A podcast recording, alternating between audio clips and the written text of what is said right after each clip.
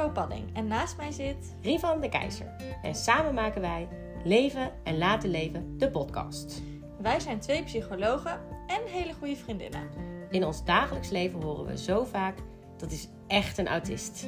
Wat een borderliner. Zo druk, zeker ADHD. Als psychologen triggert dit ons. Want hoeveel van jullie weten echt wat dit betekent? En hoe is dit voor mensen die daadwerkelijk met deze diagnoses leven?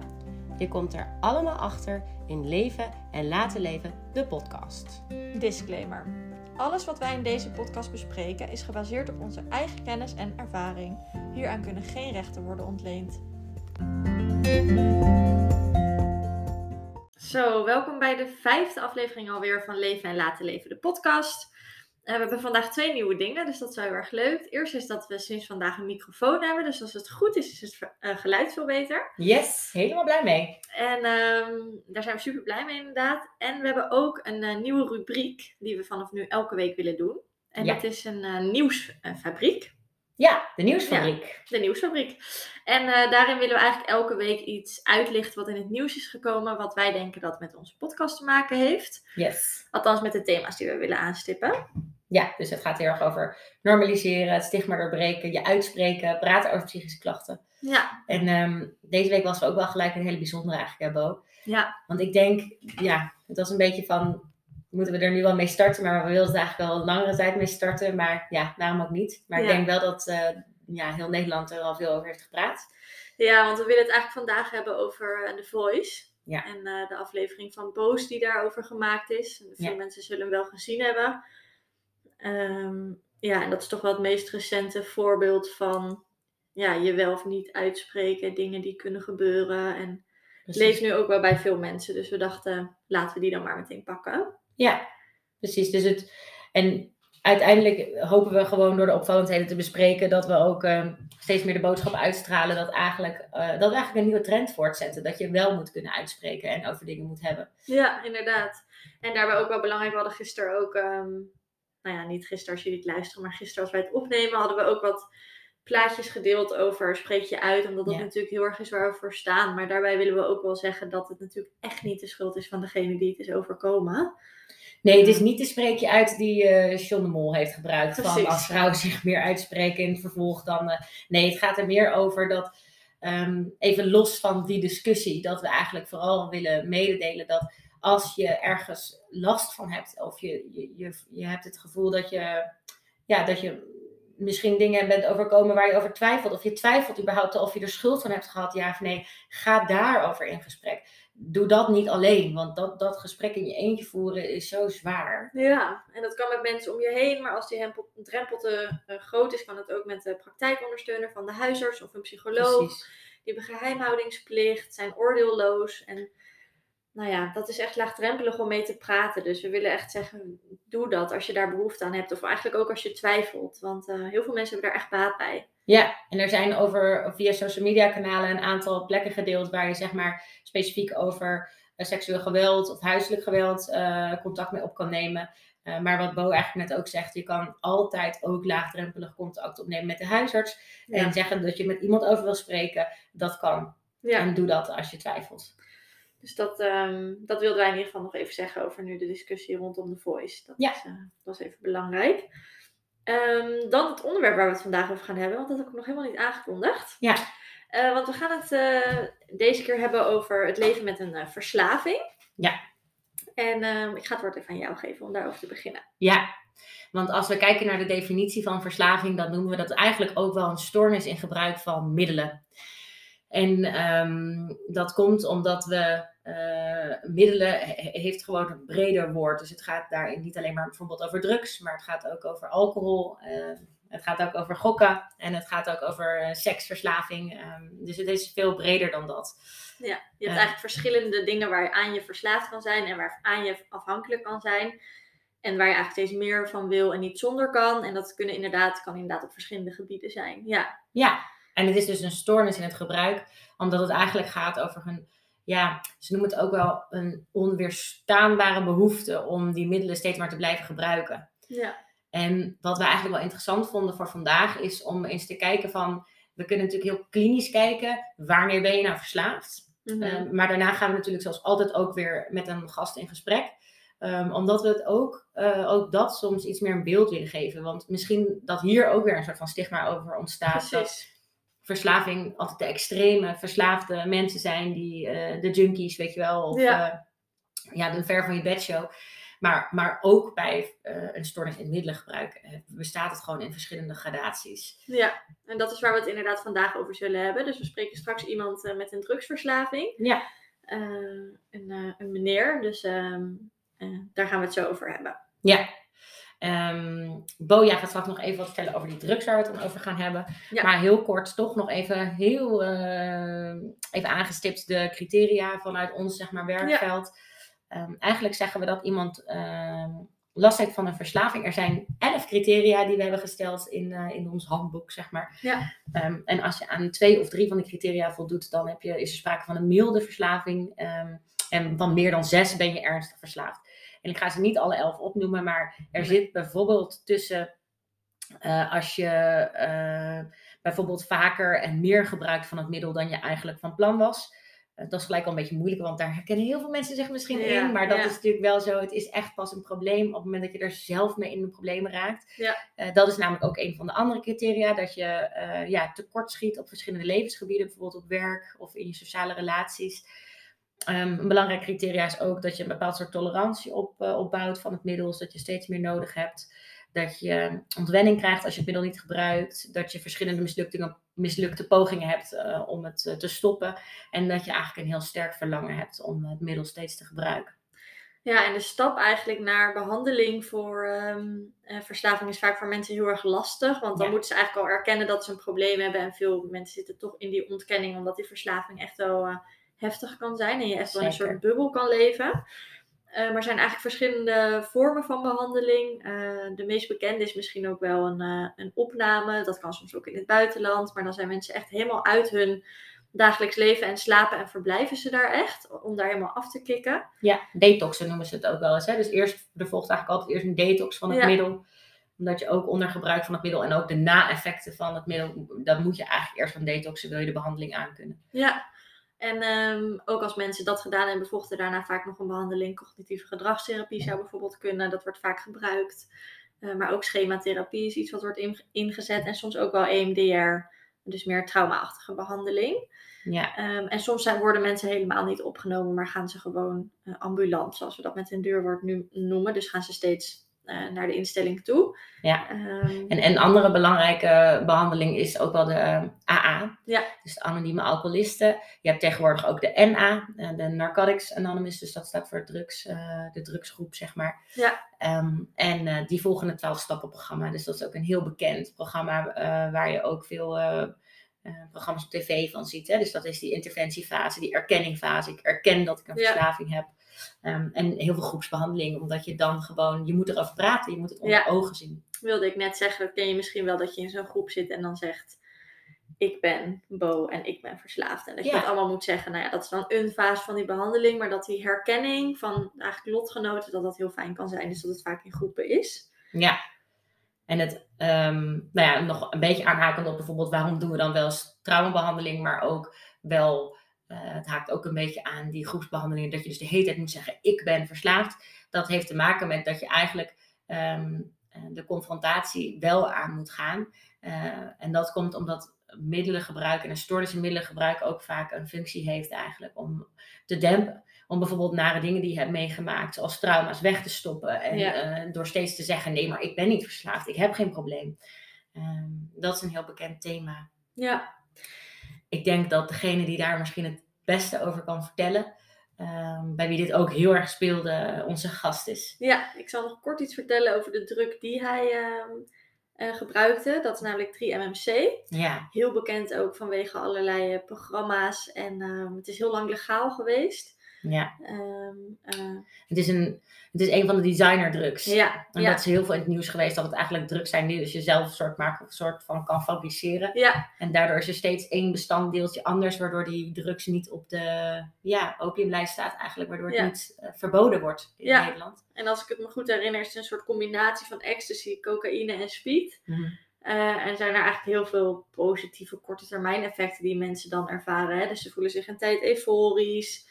Eh, ze kunnen heel lang wakker blijven. Ze leven helemaal in een soort roes. Maar het is natuurlijk ontzettend verslavend. En mensen hebben ook veel negatieve effecten. Namelijk dat ze ook vaak hallucinaties kunnen hebben. Of meer waanachtige ideeën. Achterdocht zien we veel. Ja, achterdocht zien we veel. En veel gezondheidsrisico's. Hè? Dat zit natuurlijk altijd Ja. bij elk gebruik van middelen. Zit daar een risico aan vast. Ja, En ik denk wat voor 3MC heel typerend is, waarom we ook blij zijn dat we dit in de podcast kunnen bespreken, is dat het een eh, drugs is die ook veel in het nieuws is geweest door de vele problemen die het veroorzaakt.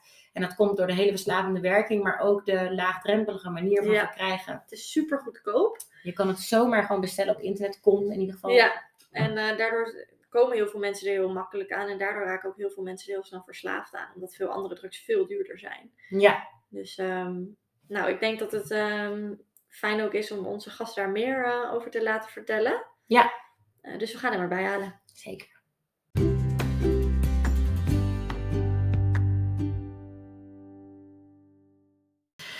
Nou, welkom. Bij ons is aangeschoven in onze podcast Thomas. Thomas is 35 jaar, hij woont in Brabant en heeft een fulltime baan.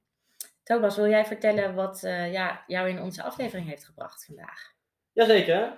Ehm nou ja, ik ben dus inderdaad Thomas, net voorgesteld. Eh, ik heb inderdaad fulltime baan. Ik ben eh, 35 en eh, ik heb eh, eigenlijk last gehad van, eh, ja, hoe moet je het zeggen? Lastig om meteen te zeggen, maar ik denk eh, last van een verslaving van een bepaald soort druk. Mhm, En eh, die druk noemen ze 3-MMC, mhm, eh, ook wel poes genoemd, eh, zeg maar in de volksmond, mensen die het echt goed kennen. Mhm.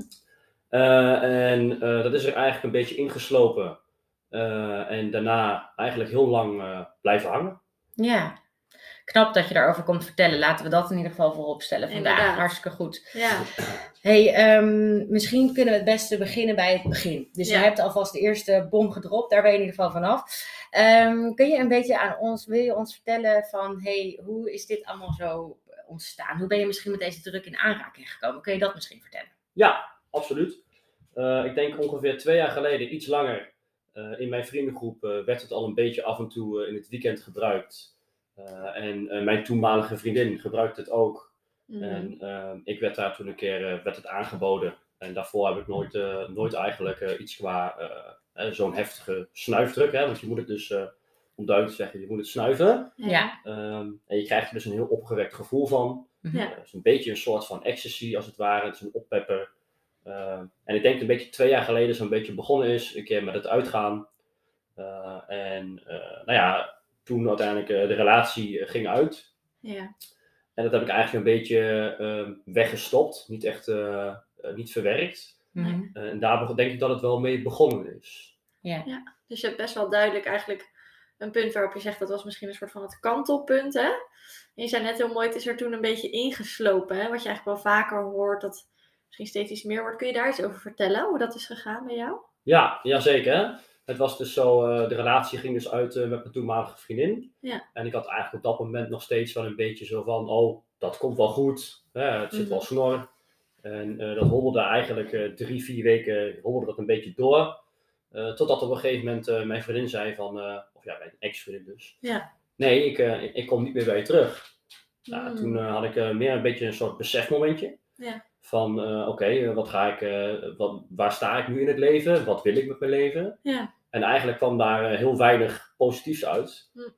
Ik denk dat het daar een beetje bij begonnen is. Ik denk lage zelfwaarde. Ja. Ehm, en vanuit toen is het, wat ik zeg, ingeslopen. Want ik, ja, ik heb het uiteindelijk zelf niet heel goed doorgehad. Pas als ik er nu over ga nadenken en ga praten, dan denk ik, oh hé, hey, hoezo heb je dat op het moment niet herkend? Ja. Eh, maar ja, vanuit daar is het een beetje, ik dacht, nou oké, ik heb geen vriendin. Eh, ik woon eh, wel op mezelf nog in een huurhuis. Eh, ik heb geen relatie dus. eh, ik heb geen koophuis, eh, geen kinderen. eh, als het ware, alles, alles ging ik negatief bekijken. Mhm. En eh, ja, de druk 3MC eh, in het weekend. Want dat, laat ik dat vooropstellen, het was wel altijd in het weekend. Ik Mhm. heb dus nooit door de week gebruikt. Ja. Niet om het te bagatelliseren. Ik ben hier ook niet om, eh, om leugens te vertellen, maar echt te vertellen wat er wel gebeurd is. Ja. Ehm, ja, en het weekend was voor mij altijd gewoon een uitlaatklep. Gewoon vluchten, echt verdoven. Mhm. Dat was het wel, ja. Verdoven van je negatieve gevoelens eigenlijk, hè, die je net eh, Ja, beschrijft over allerlei dingen. Ja. Ja. En kan je ons daar nog wat over vertellen? Hoe werkt dat dan precies? Want je voelt je dus eigenlijk kloot. Hè? Er zijn allerlei dingen waar je hartstikke van baalt en die je negatief ervaart. En dan gebruik je dus zo'n drugs in het weekend. En ja, hoe, hoe werkt het dan dat je daar, dat, hoe, dat, hoe verdooft dat? Kun je dat? Ja, ja, zeker. Nou ja, wat, wat er dus bij mij, eh, hè, laat ik vooropstellen, eh, per persoon is het verschillend eh, hoe je op zo'n druk reageert. Eh, en ik ben denk ik van mezelf ook al best wel verslavingsgevoelig. Mm. En ik kan best wel heftig reageren op drugs. Ik ben best wel een emotioneel persoon. Eh, wat het bij mij deed was echt ehm, alle negatieve dingen, eh, als ik het gebruikte, vielen weg. Mhm. Het was, ik was echt in het moment. En ook met de persoon met wie ik was. En we hadden hele goede gesprekken. En ehm, ja, het, het inderdaad, het was gewoon op dat moment voor mij, ehm, het, het leek alsof het ook prima was. Ja. Het was helemaal niet van, eh, wat ben ik aan het doen? Het was meer, oh, wat, wat fijn, en het kan en hoezo niet. En, Je ja, zag ook niet de gevaren. Je ervaarde alleen maar Nee. positieve effecten eigenlijk ervan op dat moment. Ja. Ja. Was je dan ook gedurende de week al bezig met, oh, het is weer bijna weekend, dan ga ik het weer doen? Was nou dat is wel, wel grappig om te benoemen. Ehm, in het begin, toen het uitging met, eh, met mijn vriendin, eh, toen, toen gebruikte ik eh, nog een keer op vrijdag wel eens en op zaterdag wel eens. Mhm. Maar op een gegeven moment, dat twee, drie maanden later ontstaan is, toen was het echt op vrijdagmiddag beginnen en op zondagavond eindigen. Hm. En eh, als ik dan op, op werk was, maandag, dins- dinsdag en woensdag, had ik er ook helemaal geen zin in. Nee. Dus ik had helemaal ook niet meer behoefte om het te gebruiken. Oh, Want ik was er Hm. zo kapot slecht van. ja. Eh, last van mijn neus, last van mijn, van mijn stem. eh, ik voelde me, dat noemen ze met een heel mooi woord, spichtig, achterdochtig. Ja. Hm. Ik had dus de hele tijd het gevoel dat iemand wat van me wou, of iemand doorhad dat ik dus Jeetje. drugs gebruikte. Ja. Ja. Ehm, dus ik had ook maandag en dinsdag helemaal niet het gevoel dat ik weer wou. Ja, als ik dan weer vrijdag thuis kwam, dan, dan was het eigenlijk meteen weer eh wagenwijd open van weg uit de realiteit. Hey, en komt er dan dus toch misschien iets op vrijdag dat je, of misschien dan wel op donderdag, dat je dan langzaamaan toch weer denkt, "Mwah, wel weer zin in of zo? Of Ja, het was ook natuurlijk wel dat ik denk, bij mij was het zo dat ik echt de eerste twee dagen er heel erg last van had. Mhm. Dus maandag, Ja. dinsdag was echt wel heel zwaar ook.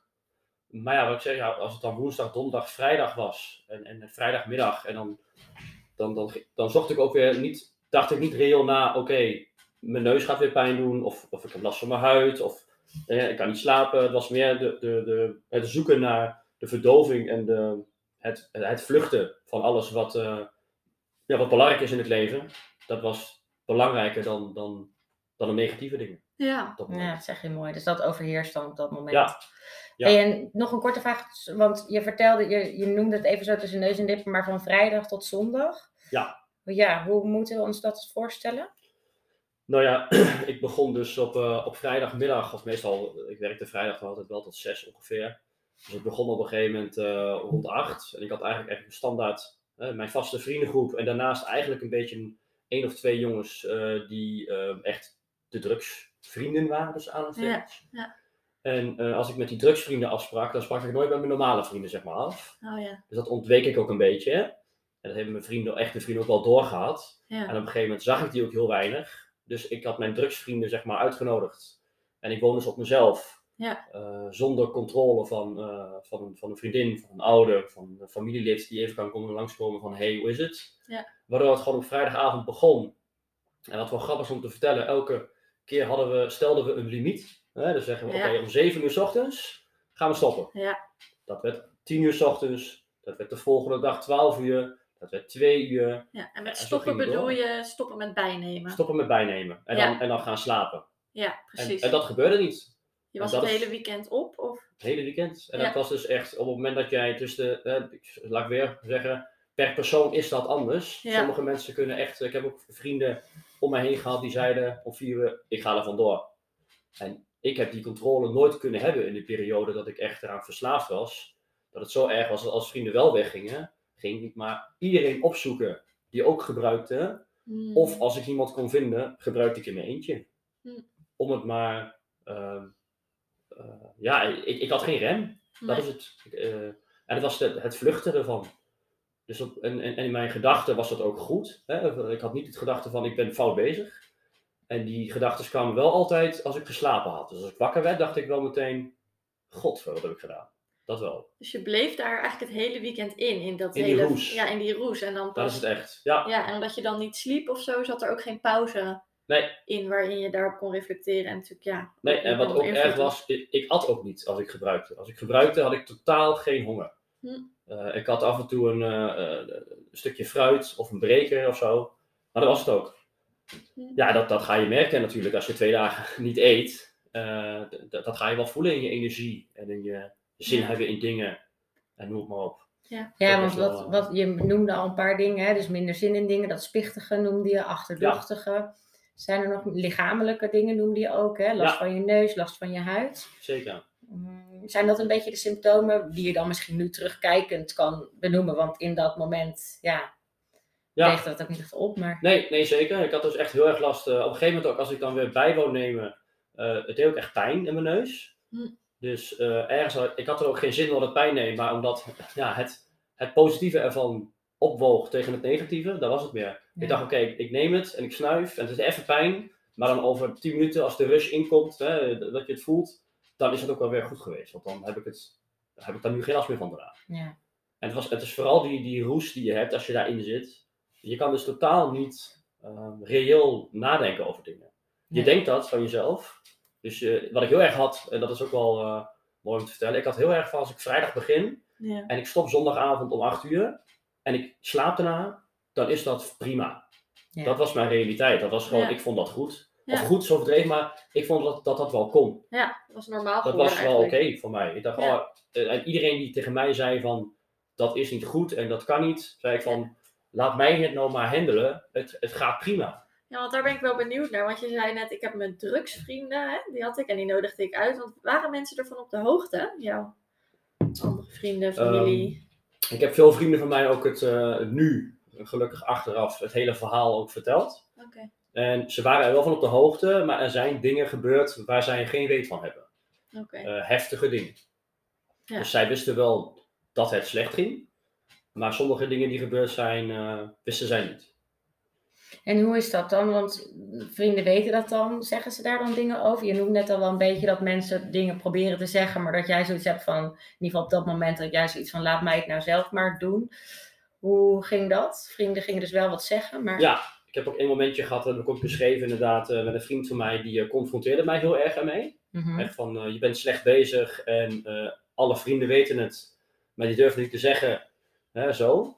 En daar reageerde ik heel heftig op. Hm. Als in, eh, ik heb hem meteen, eh, ging uit het, eh, uit het gesprek, ik eh, heb hem geblokkeerd overal op, ik eh, ging niet onder ogen komen. En dat, dat komt dus weer terug in het wegvluchten. Ja. ja. En eh, ik stootte zeg maar iedereen af die ook maar eh, een, een, een- ja, kritiek had, denk ik. Hoe Ja. kwam dat, Mijn, denk je? Wat zei je? Hoe kwam dat, denk je? Ik denk eh, angst. Het is ook wel een beetje, is het ook wel in mijn persoon. Ik, ben een heel, ik heb een verdedigingsmechanisme wat ik doe. Is ik, eh, ik, ik ren weg of ik vlucht als er eh, gevaar is. Hmm. Dat is eigenlijk een beetje schildpad. Hè? Die trekt zijn hoofd in. En dat Ja. is ook wat ik doe. Ja, misschien ook wel een beetje confrontatie met eh, dat het ook moeilijk was om erbij stil te staan dat het een probleem was. En zij confronteerde jou daar natuurlijk mee. Ja, en dan moest je daar zelf natuurlijk ook over nadenken. Of dan was er wel een soort spiegel natuurlijk misschien die je voorgehouden Ja. werd op zo'n moment. klopt. ja, je vlucht dan eigenlijk ook van confrontatie natuurlijk. Zeker. Ja. En heeft de toegankelijkheid van de drugs daarmee te maken gehad? Ehm, ja, het was heel erg makkelijk om, eh, om in mijn regio in Brabant dan om het aan te komen. Ehm, het was echt, eh, ik haalde zeg maar bijvoorbeeld eh, ja, 4 gram bijvoorbeeld. En eh, dat was dan op een gegeven moment op, rond eh 7 uur s ochtends. En eh, ik hoefde maar iemand te appen, of die kwam of langsrijden, eh, of eh, we hadden een adresje waar we heen konden. En dan pakte ik de fiets en dan Mhm. fiets ik erheen. En het is heel goedkoop, hè? Dus het is goedkoop, Ja. Ja, het is, bestellen. eh 3MC is eh, 20 euro ongeveer gemiddeld per gram. Oké. Waar ze vaak ook de welbekende acties hebben. Dat je dus voor 40 euro 3 gram kan halen of dergelijke. Ja, en het is natuurlijk legaal nog, hè? Nu niet meer. Oh. Nee, Het staat nu alweer alleen wat ze doen. Ze gaan elke keer weer een, een, een, ja, zeg maar een element uithalen. Waardoor het weer wel eh, legaal is. Ja, die designerdrugs, hè? Dus het Ja. zijn designerdrugs en ze zijn bezig met een nieuwe wetgeving dat überhaupt Dat ook klopt. designerdrugs worden Mm. verboden. Ja. Wat vind jij daarvan? Wat vind je ervan dat het zo toegankelijk is of dat ze het eventueel willen verbieden? Die designerdrugs. Ik vind het goed dat ze zullen verbieden. Maar ik denk dat verbieden geen eh, optie is. Eh, als in optie, geen oplossing. Ja. Eh, ik ben veel meer voor preventie. Ja. Dus eh, op school het over hebben, et cetera. Dat vind ik, eh, dat is het heel veel aan drugs. Het is altijd een beetje een onbekend kindje. We willen het er niet over hebben. Ja. Het is slecht, je moet het niet doen. En op, op het moment wat ik dus ook had, op het moment dat je er het wel doet en het gaat fout, heb je geen flauw benul wat je moet doen, of je het iemand Nee. kan vertellen. Eh, kan je er open over zijn? Waar moet je heen? dus het het is ook een- taboe. Het is een taboe, weet je wel ook. Nou, knap, knap dat jij dit hier vandaag hopelijk een beetje komt doorbreken. ja, echt heel knap. Hey, wanneer, want hè, je vertelt wel dat het dan langzaam erin is geslopen, dat je het toen nog helemaal niet zo door had. Laat mij het maar doen. Eh, ik, ik gebruik tot zondag eh, s- s s'avonds en dan is het oké. Wanneer kwam het punt dat je eigenlijk dacht, hmm, is dit wel zo oké? Ja, er zijn verschillende punten geweest. Eh, vooral punten, eh, als het mag, wil ik die wel graag even benoemen. Situaties Ja, die ik meegemaakt heb. Tuurlijk. Eén situatie is bijvoorbeeld met een vriend van mij. Eh, had ik afgesproken om eh, de dag erna rond eh 8 uur s'avonds bij hem te zijn. Mhm. En overdag zou ik naar mijn moeder gaan. En eh, er was eh, die avond iemand bij mij daarvoor eh, ook drugs gebruiken. Mhm. En eh, die was, eh, had ook doorgehaald met mij samen. Dus die zat op een gegeven moment rond half drie 's middags met mij nog samen te snuiven. Hm. En op een gegeven moment appt die andere vriend van mij, die appt mij van... Hey, hoe is het bij je moeder? Ben je onderweg? Eh, waarop ik eh appte, eh, ja, ik ben onderweg. eh, wat een klote mondkapje. Dus ik was zo eh, in, die, in die roes, in die, dat ik Ja. het oké vond om zo specifiek te liegen tegenover een van mijn beste vrienden. Ja, Van hé, hey, eh, dat is gebeurd. En, en die avond ging ik dus naar mijn vriend toe. ja. En die andere vriend was er dus ook. Mhm. En ik had die link eigenlijk helemaal niet gelegd, omdat je natuurlijk zo in een invloed bent. Ja, En ik sta buiten te roken met hem. En hij vraagt aan mij, ben je bij je moeder geweest? Ja, toen had ik echt in één keer het besef. Ik zei ook tegen hem nee. Dus daar is hij achteraf, zegt hij altijd tegen mij dat hij daar wel trots op is. ja. Maar zo zie ik dat totaal niet. Hmm. Eh, dat was echt een mo- moment dat ik mijzelf heel klein voelde. En dat kwam wel binnen. Ja, Eh, dus, dus zulke momenten, eh, op dat moment zelf heb ik het wel weer soort van verwerkt en ik ging wel weer door, et cetera. Maar het zijn dat soort, dat, dat soort dingetjes, bijvoorbeeld eh, ook met mijn broer. Ehm, we hadden afgesproken met mijn broer en mijn neef Mhm. eh, ergens wat te gaan drinken en te eten, eh, tot twee keer toe. Ja. En de eerste keer eh, zou ik een coronatest of coronaprik moeten doen, Ja. Een, een vaccinatie. En ehm, daar was ik helemaal niet.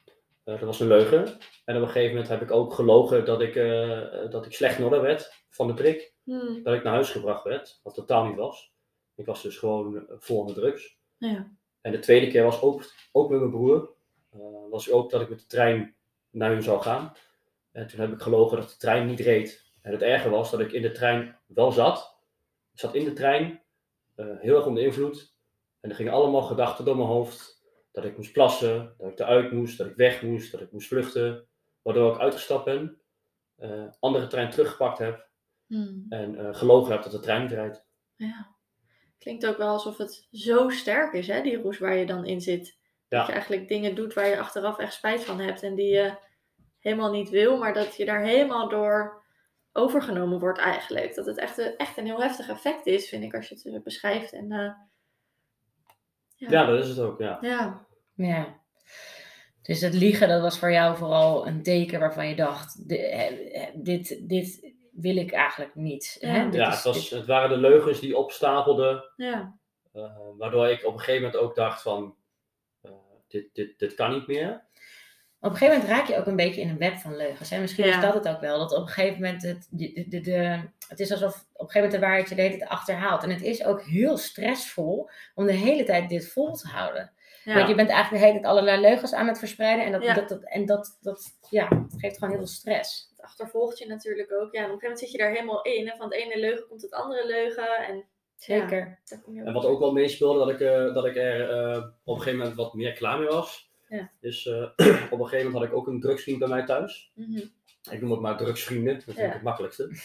En ehm, we hadden zoveel genomen, of in ieder geval, ik, ik nam voor mijn gevoel eh, altijd wel veel.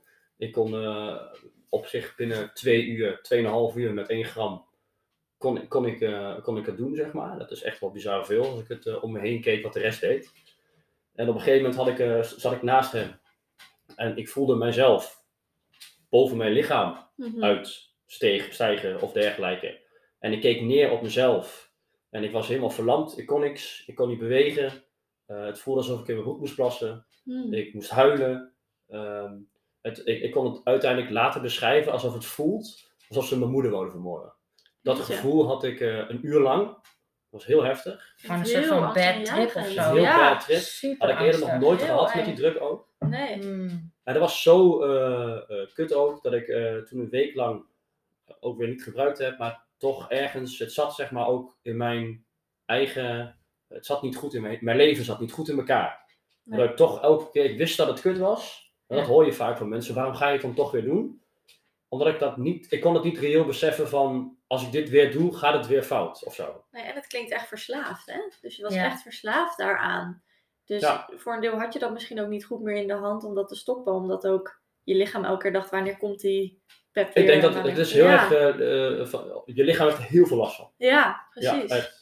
Hey, en Thomas, we weten dat er nu wel een punt is dat je daaruit bent gekomen. Ja. Kun je ons daar een beetje mee naartoe nemen? Van, want het klinkt echt heel heftig. En je hebt echt hele nare, zware momenten meegemaakt. Hè? En, Zeker. maar toch zitten we vandaag hier. En Ja. nu zie ik eigenlijk iemand voor me zitten die er heel goed uitziet. Ja. Dus ik ben benieuwd, waar, hoe, ja, kun je ons daarin meenemen? Hoe, ging, hoe, Ja, hoe ben je gekomen waar je nu bent? absoluut. Ik vind het nog steeds eh, wel heel erg eh, confronterend als- als ik er zo over praat. Ja, Eh, en heel heftig ook. ja. Ja. Wat er gebeurt is eigenlijk waarmee begonnen is op een gegeven moment. eh, eh, ik, de geboorte van mijn neef, neefje, nichtjes, et cetera, gebeurde. Eh, ik had door dat ik ze eigenlijk heel weinig gezien had. Ehm, een vriend van mij heeft me geholpen in mijn huis. Mijn huis was dus altijd een, een chaos. Het was, het, was, het was vies, het was niet op orde, het was gewoon een snuifhuis. Het was Mhm. niks. En op een gegeven moment had ik daar een beetje wat aan gedaan. En hè, het feit dat je je vrienden, familie, hè, dat, dat werd een- uit het niets. En daar ben ik wel heel blij om. Ik had het dus eh eergisteren mijn vader verteld. En die vroeg ook aan mij van, eh, en mijn stiefmoeder ook van, wat is nou het punt dat je in één keer dacht van, hè, waarom nu wel? Ja. En dat kan ik ook niet eh, echt vertellen. Ik heb Mm. geen idee wanneer dat ook is geweest. Ik ben er wel heel blij om. Ja. Want eerder gaf ik dus helemaal niks om mijn huis of iets daarin. En dat is nu totaal omgekeerd. Dus Ja. ik heb nu echt dat ik totaal daar heel veel moeite in steek. Het leuk vind. Vooral familie en vrienden weer zien. In kleine dingen haal ik heel veel voldoening uit. Ja. Dus in gewoon naar het werk fietsen. En het klinkt heel cliché, maar gewoon dat je kijkt, je ziet de, de lucht mooi met de zon. Weet ik veel, dat soort Ja. dingen. Weet je, dat, ik merk dat ik daar echt nu heel veel eh, ja, Ja. dingen uit haal die ik eerder haalde dan denk ik uit, uit de drugs. ja. Want hoe lang was die periode? Over wat voor periode hebben we het? Ik denk ongeveer twee jaar lang wel. Oké. Ja. ja. Twee jaar waarin je dat in het weekend deed. En het is nu eh, drie weken geleden dat ik het voor het laatst heb gedaan. Hm. Ehm, ik heb het gedaan met een, met een, met een vriend om een soort van een beetje, eh, ja, dat beetje de, de bad shit af te sluiten. Ja. Ehm, en als ik dat vertelde ook aan mijn vader, vond die zei ook wel van, oh, dat is eigenlijk nog een heel kort dag. Hmm. Maar voor mij voelt het eigenlijk heel, eh, zoals als ik bijvoorbeeld mag noemen, vorige week zat ik nog met een vriend van mij bij iemand die ook gebruikte. Ja. En ik heb geen moment gedacht, ik wil het ook. Ik dacht alleen maar van, oh, wat, wat wil ik dit niet? Mooi. en dat geeft mij wel heel erg veel moed ook, want dat is ook een test voor mezelf. Ja. Dat ik denk, oké, ik, ik, ik heb het niet nodig. En ik had eigenlijk met nieuw de afspraak gemaakt met mezelf, als het weer gebeurt, dan mag het wel onder bepaalde voorwaarden. Ja. Maar nadat ik ergens met mijn vader gesproken heb, en mijn stiefmoeder, die hebben gezegd, waarom wil je het überhaupt nog doen? Dat heeft me wel een beetje aan het denken gezet. En eh, daardoor kan ik nu ook wel zeggen dat ik denk, dat ik weet dat ik het gewoon niet meer wil doen. Nee. Want anders heb je toch nog steeds een, een, een, ja, een stok achter de deur. En waarvoor eigenlijk? Ja. Want ik wil nooit meer de periode meemaken die ik meegemaakt heb. Nee. Dus waarom zou ik het risico in godsnaam lopen om dat toch te doen? Ja. Dus dat, is ik, dat ik nu echt wel kan zeggen dat ik het nooit meer dat, dat wil doen. Nee. Nee. Klinkt heel overtuigend. Komt Nou. Ja. Maar ik denk ook wel dat het erover praten en openheid erover geven en meedoen aan deze podcast, maar ook het dus blijkbaar aan vrienden en ouders en betrokkenen vertellen dat, Ja. Dat is heel moeilijk hoor. ja, maar dat is wel en dat is heel moeilijk omdat het ook zo'n grote stap is. Want op het moment dat je dat doet, kun je ook eigenlijk niet meer terug. In ieder geval, je kan nog wel terug, maar ik bedoel, je dekt jezelf ook in en dat betekent ook dat je eigenlijk niet meer terug wil. Nee. Dat zie je ook wel in behandelingen. Dat is echt een stap die mensen nemen. Want dan is er natuurlijk veel meer controle. En dan hè, kun je veel minder makkelijk liegen en maken mensen zich sneller zorgen. En dat is ook wel echt een stap waarin je kan zien dat mensen er echt wel klaar mee zijn. Ja, en dat was ook het feit dat ik dus hierheen ging. En eh, jullie vroegen ook aan mij, wat wil je niet vertellen? Waarvan ik dacht, ik moet gewoon alles vertellen wat in me opkomt. Ja, want ik wil niet meer, ja, liegen. Ja, heel mooi. Hey, en er was wel al eerder een punt dat je al wel bedacht dat je wilde stoppen, toch? Maar nu drie weken geleden is er nog misschien wel een keer ja, een soort van terugval, dat noemen we dat ook. Hè? Ik weet niet of je dat helemaal zo ziet, maar in de termen van verslaving zeggen we wel eens mensen besluiten om te stoppen. Maar is er eigenlijk heel vaak wel een moment dat, ja, soms is een uitgeleider een netter woord, dat iemand toch weer een keer gebruikt. Dat was bij jou in dit geval ook zo, toch? Je was al Ja. eerder wel gestopt. Dat klopt. Afgelopen zomer was ik, eh, was ik ook gestopt. Ehm, alleen had ik denk ik, als ik er achteraf terugkijk, nog niet echt maar... Het was niet nog de tijd, denk ik, dat dat het is. Ehm, als in, eh, daarna is het wel weer gebeurd en raakte ik weer een beetje daarin eh, van de leg. Eh, ik denk dat ik nog niet helemaal mijn, plekje had gevonden qua wat ik nou wil. En dat is dus sinds oud en nieuw.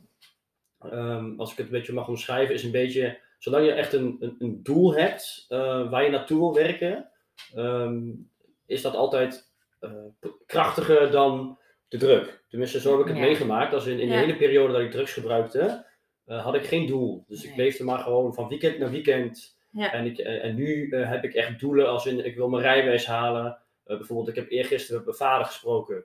Niet alleen over het drugsverhaal, maar over alles wat ik eh, vroeger heb meegemaakt. Hmm. Sorry.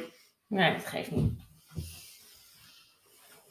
Maar dat is ook wel weer heel mooi. Ja, ja. Want ik, ik kan zeg maar alle dingen die mij pijn hebben gedaan, ja. ga ik nu vol aan. Waardoor eh, ik ook niet meer denk dat ik eh door vol weg te vluchten. Want dat was het vooral. Ik heb heel veel dingen in mijn leven waar ik voor vluchtte. Mijn huis, eh, relatie met mijn vader, relatie uit met mijn vriendin. ja. Gewoon niet, niet je fijn voelen, niet weten wat je wil met je leven. En nu ik dat zeg maar allemaal op een rijtje heb, dan kan ik veel meer met zekerheid zeggen van oké, wow, ik ben trots op het moment waar ik nu in zit. ja. En dat heb ik eigenlijk 30 jaar lang, ja, 35 jaar lang eigenlijk dan niet, niet gehad. Nee. wat je eigenlijk omschrijft, Thomas, en dat is eigenlijk heel knap, is dat je waar je eerst altijd heel erg de neiging hebt gehad om van dingen weg te vluchten en dingen weg te stoppen, ben je eigenlijk de afgelopen tijd juist de confrontatie aangegaan met dingen. Door erover te praten, door Ja. de, hè, met je vader erover te praten, door in deze podcast te praten. En dat is eigenlijk tackle je gewoon je problemen. Ja, ik zit echt vol bewondering ernaar te luisteren. Ik vind het echt... eh, Enorm. Ja, het klinkt, klinkt dan heel, eh, heel simpel of zo, hè? Want als je dat zo hoort van, Nee, vind ik je moet, gewoon, je moet het gewoon doen. Maar dat is, dat is een tip die ik nu iedereen eigenlijk kan geven. Ja, Dat geeft mij nu zoveel rust dat ik die stappen genomen heb om dat soort dingen te doen. ja. Eh, en ook nu als ik over praat, ik kan met zoveel. Ehm, ik, moet dan, ik moest dan wel. Ik had een emotioneel momentje, maar het, het was wel een fijn emotioneel momentje, omdat ik, Ja. dat, ik, ik er zo van, ver van afsta ja. van wat er gebeurd is. En als ik zie waar ik nu sta, denk ik: wow, dit is veel. Ik ben nog, dat is wel een mooie, mooie quote die ik eh, zelf bedacht heb. Ehm, ik stond toen ik drugs gebruikte nog nooit zo ver af van de persoon die ik wou zijn.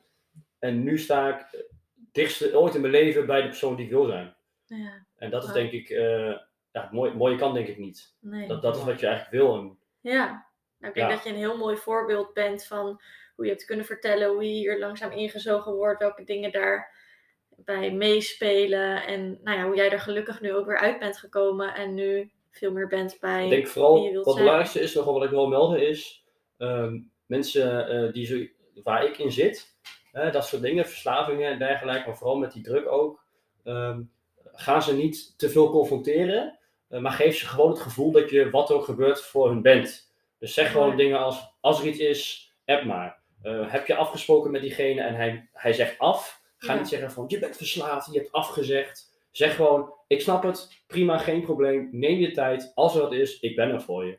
Dat heeft voor mij in ieder geval heel erg gewerkt, bij een vriend Ja. van mij. Ehm, en dat betekent, elke persoon zit anders in elkaar. Ja, maar het lijkt me wel heel mooi dat je dat, eh, nog, dat je dat nog even toevoegt. Dat je niet die veroordeling eigenlijk erin hoort, maar Dat meer een soort ja. onvoorwaardelijke steun. En ik ben er Ja. voor je en het is allemaal goed. Want dat is het mooiste eraan. Uiteindelijk ben ik geen enkele vriend kwijtgeraakt. Nee. En dat geeft wel aan hoe onvoorwaardelijk mijn vrienden zijn voor mij. ja. En dat is wel het En enige jij wat voor ik... hun, hè? Ja, dat wel. Alleen ik heb wel het gevoel, ik moet heel erg hun vertrouwen weer winnen. Ja. Maar ik denk dat dat nog wel ook een belangrijk punt is wat Bo aanhaakt, ook voor hun. Want als jij dat niet was geweest, dan Ja. was je wel vrienden verloren. Maar die ben je niet verloren. Nee, dat Nee. klopt. Dus je Dus- bent enorm van waarde. Ja, Ja, dat is moeilijk om te horen hoor, vind ik. ja. Dat vinden we allemaal ik- wel vaak moeilijk om te geloven. Maar daarom benadrukken we het. Daarom zeggen wij het ook zo vaak. Dat vinden wij op je geloof Ja. ook leuk, hè? om wat extra te zeggen. Hey, ik denk dat het wel een mooi punt is om ehm, een beetje af te ronden. Ehm, zijn er nog dingen? Kijk ook even naar mijn collega. die we nog eh, willen weten. Ik denk dat we. Nee, we hebben hartstikke veel een heel mooi en open verhaal gehoord van, eh, van Thomas. En het is Ja. echt fantastisch dat hij dat met ons wilde delen, denk ik. Ja, Is er iets wat jij eh, nog eh, van je hart wil? Of is er iets wat je hebt gemist? Of... Eh, nee, eigenlijk niet. Het enige wat ik kan zeggen is, wat ik zeg, eh, twee jaar lang heeft eh, mij gevoeld als, eh, als twee dagen. Ja. Dus eh, wacht, wacht er niet mee. Pak je kans, ga ervoor. Het leven is te kort om, Ja. eh, om het maar te laten gaan. Ja, mooi. Mooie woorden om mee af te sluiten. Daar gaan we mee afronden. Heel erg bedankt voor vandaag. Ik vond het Ja. heel fijn dat je erbij was. Dankjewel. Enorm bedankt. Heel ik mooi. vond het ook echt heel fijn. Dankjewel. Fijn.